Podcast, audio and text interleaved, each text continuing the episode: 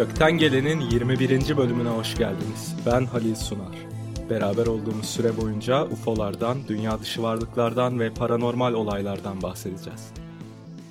Yeni bir bölümle tekrar karşınızdayım. Dinleyicilerimiz öyle alıştı ki artık yani birkaç gün geciksem hani yeni bölüm çıkmayacak mı artık diye hemen mesajlar geliyor.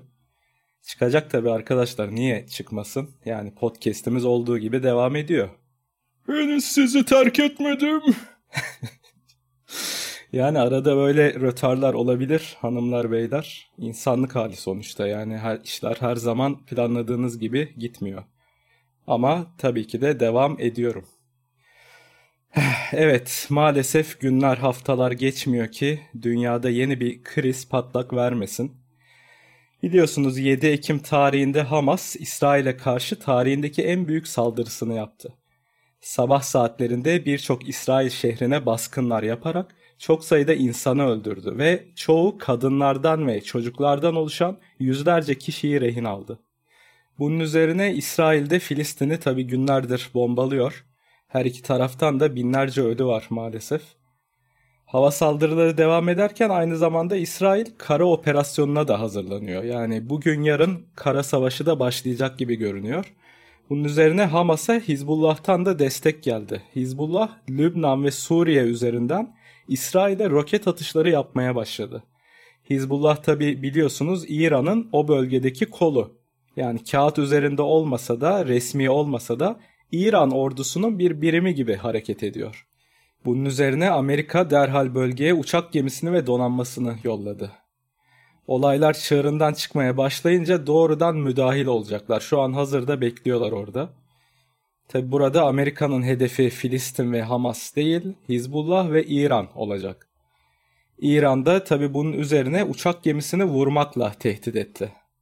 Ha ne kadar başarılı olurlar orasını bilemem tabii. Çünkü bir uçak gemisini batırmak öyle 3-5 roketle olacak bir şey değil. Yani baya sağlam bir şeyle vurmanız lazım ki onda bile garantisi yok. Yani zarar verirsiniz belki ama batırmak çok zor gerçekten. Eğer İran böyle bir işe kalkışırsa Amerika için bahane olacak. Bu zaten yıllardır İran'ı köşeye sıkıştırmış durumdalar. Bir yandan ambargo uyguluyorlar. Bir yandan neredeyse her yıl isyan, iç karışıklıklar var İran'da. Yani zaten sallantıda durumu. Bir de Amerika ve İsrail ile savaşa girişirse ortalık fena karışır ne yazık ki. Bu sefer Rusya ve Çin İran'ın yanına gelecektir. Zincirleme yani her şey. İran savaşa katılırsa Amerika katılır. Amerika katılırsa Rusya ve Çin katılır derken bu da zaten dünya savaşı demektir arkadaşlar. Amerika'nın donanmasını o bölgeyi bilerek sırf bahane olsun diye yolladığı da söyleniyor. Yani sırf donanma saldırıya uğrasın ki İran'la savaşmaya bahane olsun diyorlar. Ama bütün bunlar yaşanırken benim dikkatimi çeken bir detay oldu. Şimdi normalde ülkelerin liderleri global savaştan bahsederken 3. Dünya Savaşı terimini kullanırlar. Ancak Amerikan Başkanı Joe Biden konuyla alakalı bir demecinde World War III yani 3. Dünya Savaşı yerine Armageddon terimini kullandı. Normalde dikkatlerden kaçabilir tabii ki ancak Armageddon aslında dini bir terimdir. İncil'de anlatılan bir olaydır. İncil'e göre Armageddon kıyamet kopmadan önceki son büyük savaştır. Hristiyanlar o gün Hazreti İsa'nın, Müslümanlar ise Mehdi'nin yeryüzüne ineceğine ve iyilik ordusuna komutanlık yapacağına inanırlar. Savaştan sonra ise kıyamet kopacak ve dünya yok olacaktır. Ar-Megeddon'ın İbranice'deki kelime anlamı Megiddo Savaşı demektir. Peki Megiddo isimli yer nerede biliyor musunuz? İsrail'de. Ne tesadüf yani dini metinlere göre son büyük savaş İsrail'de başlayacak. Yaşanan son gelişmeleri ve Joe Biden'ın kasıtlı olarak Armageddon terimini kullanmasını düşündüğümüzde belki de kıyamete çok yaklaşmışızdır. Bakalım hayırlısı artık ne diyelim. Yani inşallah üçüncü taraflar işin içine girmez de bu olay bu şekilde kapanır. Önümüzdeki kritik haftalarda göreceğiz. Evet bir dinleyicimizden bir mail aldım. Ona da bir bakalım başlamadan önce. Vedat Bey'den gelmiş mail. Kendisi şöyle anlatmış. İyi günler. Yaşadığım bu olay paranormal sınıfına girer mi onu bilemem. Ancak yine de anlatmak istedim. 1987 yılıydı. O zamanlar Kahramanmaraş Elbistan'da polis memuruydum. Duyduğuma göre karakolumuz bölgedeki bir mezarlığın üzerine inşa edilmiş. Yapıldıktan bir yıl sonra karakolun güney cephesinde çatlak oluştu. Tamir ettiler ancak bir ay sonra aynı durum tekrar yaşandı. Oranın imamının dediğine göre ölüler rahatsız edilmeyi sevmezlermiş. Hele ki mezarları zarar görürse sinirlenip intikam alırlarmış. Acaba siz bu konuda ne düşünüyorsunuz? Emekli oldum ancak bu olay sürekli rüyalarıma girmeye devam ediyor demiş Vedat Bey. Maili için öncelikle teşekkür ediyorum kendisine. Şimdi işin paranormal kısmına gelmeden önce inşaat kısmından bahsedersek ülkemizdeki yapıların nasıl inşa edildiği hepimizin malumu. Yani hele ki yaşanan son büyük depremden sonra birçok binanın nasıl kalitesiz yapıldığını ve depremde yerle bir olduklarını gördük. Ben de Adana'da depremi yaşayan birisi olarak yani söyleyebilirim ki yani lüks ya da işte depreme dayanıklı diye satılan birçok bina aslında ucuz malzemeyle ve kötü işçilikle yapılıyor. Bu ülkenin bir gerçeği yani artık denetimsizlik mi dersiniz, ahlaksızlık mı dersiniz ya da her ikisinin bir kombinasyonu olan bir durum var ortada. Ancak Vedat Bey o yıllarda polis olduğunu ve binanın polis karakolu olduğunu söylemiş. Asker ve polis karakolları normal binalardan farklı inşa edilir bildiğim kadarıyla. Farklı malzemeler kullanılır. Özellikle olası bir saldırı durumuna karşı dayanıklı olması için yapılır. Bir de o yıllarda malum PKK saldırıları da bayağı yaygınmış. Yani 1980'li 90'lı yıllarda. O yüzden bu karakol binasının sağlam bir şekilde inşa edildiğini varsayıyorum. Mezarlığın üstüne niye yapmışlar onu anlayamadım ama bu konuda hem Anadolu'da hem de Kuzey Amerika'da oldukça benzer hikayeler anlatılmaktadır. Anadolu'nun birçok yerinde türbeler vardır bilirsiniz gittiyseniz ve bu türbelerin olduğu yerlerde hep gizemli olaylar yaşanmıştır. Türbeye zarar verenin çarpılması ya da ölmesi gibi vesaire öyle hikayeler anlatılır. Ben memur çocuğuyum. O bakımdan Anadolu'nun farklı yerlerinde yaşadım. Birkaç yılda bir böyle farklı şehirlere tayinimiz çıkardı. Mesela ilkokulu Niğde'de okudum arkadaşlar ve hatırlıyorum orada çok eski bir mezar vardı. Tam böyle asfalt yolun ortasında. Hatta merak edip baktım sonra internetten Hacı Mahmut Ensari'nin mezarıymış. Ve onunla alakalı da böyle bir hadise vardı. O zamanlar anlatılıyordu. Yolun tam ortasında duruyor dediğim gibi ve oradakilerin anlattığına göre zamanında belediye iki kere mezarı kaldırıp yerini değiştirmek istemiş oradan yol geçirmek için.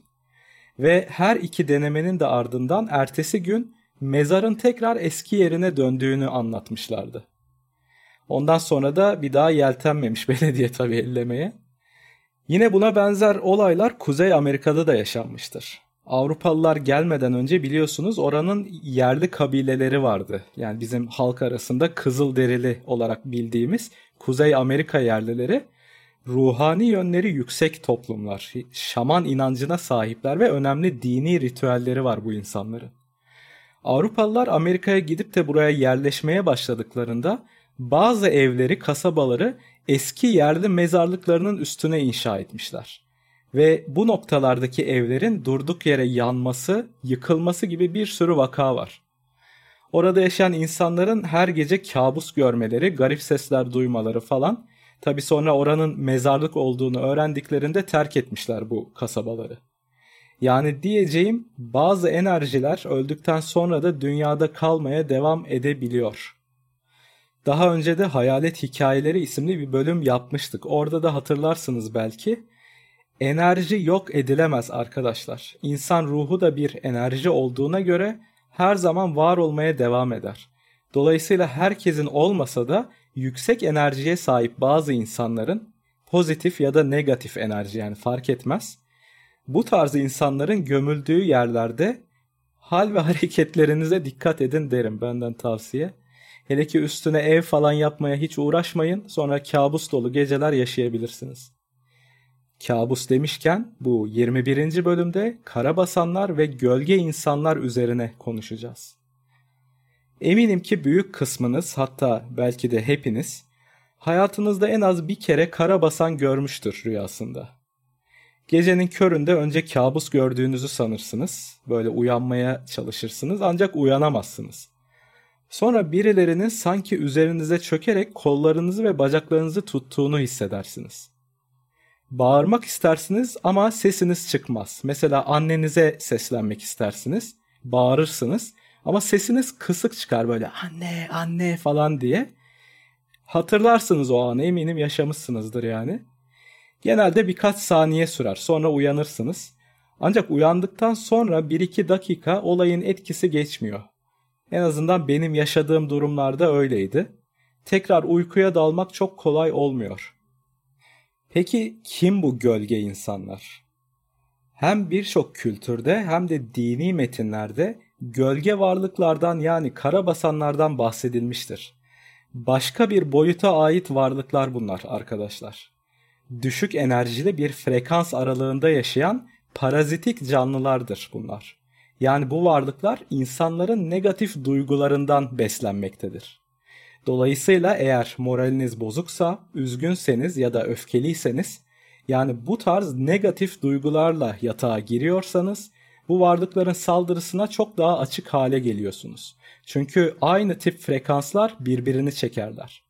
Siz çevrenize negatif enerji yaydıkça düşük frekanslı bu varlıkları da mıknatıs gibi kendinize çekersiniz. Farklı frekans aralıklarında farklı varlıklar yaşar arkadaşlar. Bu evrenler aslında birbirinden farklı noktalarda değil, hep iç içe geçmiş haldedir. Frekansların daha kolay anlaşılabilmesi için aslında radyo örneği güzel bir örnektir. Düşünün şimdi arabanızda gidiyorsunuz, radyo dinleyeceksiniz. Siz radyonuzu hangi kanala odaklarsanız o kanaldan ses almaya başlarsınız. Ama aslında bütün o yüzlerce radyo kanalının frekansları o an havada iç içedir. Bir başka deyişle yani farklı farklı evrenleri oluşturan titreşim aralıkları, frekans aralıkları hepsi şu an çevremizde mevcut durumdadır. Ancak bizim beyinlerimiz üçüncü boyuta odaklı olduğu için sadece üçüncü boyutla iletişime geçmektedir. Yani beyninize radyo ya da anten gibi düşünün. Günlük yaşantılarımızda hep böyle gündelik ihtiyaçlarımıza ya da işlerimize odaklandığımız için beynimiz yani radyomuz havadaki diğer frekanslara kapalıdır. Ancak uyku ya da meditasyon esnasında bilincimiz kapanıp da bilinçaltımız devreye girdiğinde istemli ya da istemsiz olarak havadaki bu diğer frekanslarla iletişime geçmeye yani diğer radyo kanallarını da çekmeye başlarız. Ancak iletişime geçtiğimiz bu diğer evrenler her zaman iyi huylu varlıklardan oluşacak diye bir kural yok. Evren dualite üzerine kurulmuştur. Soyut ya da somut her şeyin tam zıt tarafta bir de karşılığı vardır. İyilik varsa kötülük de vardır. Güzellik varsa çirkinlik de vardır. Ya da zenginlik varsa fakirlik de vardır gibi. Dolayısıyla eğer yoğun negatif duygularla, kötü düşüncelerle uykuya dalarsanız beyniniz yani anteniniz negatif düşük titreşim düzeyindeki evrenlere yoğunlaşacaktır. Bunun sonucu olarak da kabuslar ve karabasan hadiseleri yaşanır. Evet, yaşanan neredeyse bütün vakalarda karabasanların yani gölge insanların dış görünüşleri aynı şekilde tanımlanıyor. Tam olarak bir fiziki formları olmasa da siyah bir duman şeklinde ya da gölge şeklinde uzun boylu ve ince bir silüet olarak bize görünüyorlar. Karabasan hadisesi sırasında birçok insan bu varlıklarla fiziki mücadeleye girdiklerini, bazıları ise sesler, konuşmalar duyduklarını ve bu varlıkların kendileriyle dalga geçtiklerini ve aşağıladıklarını anlatmaktadır. Ancak uyandığımızda birkaç saniye içerisinde tekrar kendi frekansımıza dönüyoruz ve boyutlar arası bu kapıyı kapatmış oluyoruz. Peki ya uyandıktan sonra da görüntüler devam ederse? Kalkıp ışığı açtıktan sonra bile bu üzerimize çöken gölge varlıkları görmeye devam edersek? Düşüncesi bile korkutucu. Ancak bu deneyimleri yaşayan dünyada birçok insan bulunuyor arkadaşlar. Shadow people yani gölge insanlar olarak adlandırılan bu karanlık silüetler bazı durumlarda uyandıktan sonra bile insanların peşini bırakmamakta, hatta bazen iş fiziksel olarak zarar vermeye kadar gitmektedir. Şimdi bu kötü deneyimleri yaşayan bazı insanların birinci ağızdan anlattıkları bazı vakalara bir göz atalım. Bir akşam işten dönüp televizyonun karşısına uzandım. Evde yalnızdım. Ayrıca herhangi bir evcil hayvan beslemiyorum. Bir süre televizyon izledikten sonra salondaki koltuğun üzerinde uyuyakaldım. Rüyamda sanki birisi kollarımı ve bacaklarımı tutuyor, bir diğer kişi ise göğsümün üzerine çıkıp oturuyordu. Ne hareket edebiliyordum ne de sesimi çıkarabiliyordum. Nihayet gözlerimi hafifçe araladığımda üstüme çullanmış vaziyette iki tane gölge gördüm. Yüzleri yoktu ya da ben algılayamıyordum. Ama uzun boylu, ince yapılı bu varlıklar siyah birer gölge şeklindeki insan formlarına benziyorlardı. Bütün gücümle kendimi ileri doğru iterek ellerinden kurtuldum ve yattığım koltuktan fırlayarak ayağa kalktım. Hala heyecandan ellerim titriyordu. Birkaç saniyelik şokun ardından kabus gördüğümü ve nihayet kendime geldiğimi düşündüm. Ancak bu sırada televizyonun fişi kendi kendine prizden çıktı. Hemen ardından ise duvarda asılı olan saat çivisinden çıkarak yere düştü. O an odanın içi bir anda soğudu. O gece hava gayet sıcak olmasına rağmen yattığım odanın içi bir saniye içerisinde adeta buz gibi oldu. Sanırım gitmeden önce bana son mesajlarını verdiler, demiş anlatan kişi. Tam kurtuldum deyip böyle rahatlarken evdeki eşyalar hareket ediyor. Ve bir anda dondurucu bir soğukluk hissediyorsunuz. O gece tekrar uyuyabildi mi acaba? Ben olsam sabaha kadar televizyon izlerdim herhalde. Bir keresinde ziyaretine gittiğimiz anneannemin evinde kalıyorduk. Her ne kadar kendisini çok sevsem de yaşadığı ev küçüklüğümden beri beni hep korkutmuştur. 1940'lı yıllarda yapılmış eski bir evdi. Pencereleri küçük ve içerisi her zaman loştu. Girdiğiniz bütün odalarda eskiyen ahşap kaplamaların neden olduğu rutubet kokusunu alabiliyordunuz. Gece olduğunda bana ayrılan odaya geçtim ve uykuya daldım. O an gördüklerim rüya mıydı, gerçek miydi inanın hatırlamıyorum. Oldukça uzun ve ince bir yapıya sahip bir gölge karşımdaki duvarın içinden geçti ve odanın içine girdi. Yüzü karanlıktı. Yüz hatlarını göremiyordum. Ama sanki hafifçe eğilerek bana bakıyor gibiydi. Bana baktığı esnada vücudumu hiçbir şekilde kıpırdatamadığımı fark ettim. Yan odadaki anneme seslenmeye çalıştım ancak kelimeler boğazımda düğümleniyordu. O an duvarda asılı duran Hazreti İsa heykelini gördüm ve ona doğru bakarak dua etmeye başladım. Defalarca Tanrım yardım et, Tanrım yardım et diye içimden dua ettim. Sanki bu cümleyi her tekrarladığımda bu varlık benden biraz daha uzaklaşıyor gibiydi. Nihayet arkasını döndü ve girdiği duvarın içinden tekrar geçerek ortadan kayboldu. Hangi dine inanırsanız inanın yapılan duaların size bir şekilde enerji olarak geri döndüğünü birçok farklı vakadan biliyoruz. Belki de dua etmek o an sizin pozitif enerjinizi yükseltiyordur. Dolayısıyla negatif yönlü varlıklara karşı çevrenizde bir enerji kalkanı oluşturuyordur. Biz gözlerimizle göremesek de her insanın daha doğrusu her canlının çevresinde bir enerji alanı yani aura vardır arkadaşlar. Hatta bazı özel teknikleri öğrenerek insan aurasını görebilirsiniz. Bazı meditasyon eğitimleri var. Bunları öğrendiğinizde odaklanarak insanların aurasını yani enerji alanını görebiliyorsunuz. İsterseniz bir araştırın derim. Evet son olarak da kendi başımdan geçen bir karabasan hadisesini anlatayım size. Bir tane de benden gelsin. Bu olayı yaşadığımda üniversitedeydim. İzmir Ege Üniversitesi'nde. O zamanlar KYK yurdunda kalıyordum. Kalanlar bilirler böyle karşılıklı ranzalar olur. Genelde 4 kişilik odalar. Gerçi 6 kişi kalanlar da var ama bizimki 4 kişilikti. Bir gün böyle sabaha doğru karabasan çöktü üzerime. Sabah saat 5-6 gibi gün yeni yeni doğuyordu daha. Kollarımı bacaklarımı kesinlikle oynatamıyorum. Zar zor kafamı çevirdim. Yan ranzada yatan arkadaşıma bakıyorum. İşte yardım et yardım et diyorum içimden ama sesim böyle kısık kısık çıkıyor söylediğimiz gibi. Gözlerim açık görüyorum yani her şeyi. Arkadaşıma bakıyorum. O da gözlerini dikmiş bana bakıyor. Ama yardım et dememe rağmen hiçbir şey yapmıyor. Bakıyor yani bana sadece. Neyse birkaç saniye sonra kendime geldim kalktım yataktan. Baktım arkadaşım sırtı dönük uyuyor. Sinirlendim işte dürttüm bunu. Uyandırdım. Ya iki saattir yardım istiyorum senden. Sen gözün dikmiş beni izliyorsun yardım etsene diye çıkıştım arkadaşa. Döndü bana baktı böyle kısık gözlerle ne yardımı ya manyak mısın bırak beni dedi ve sırtını dönüp tekrar yattı arkadaşlar. Yani anlayacağınız karabasan esnasında arkadaşım aslında hiç uyanmamıştı.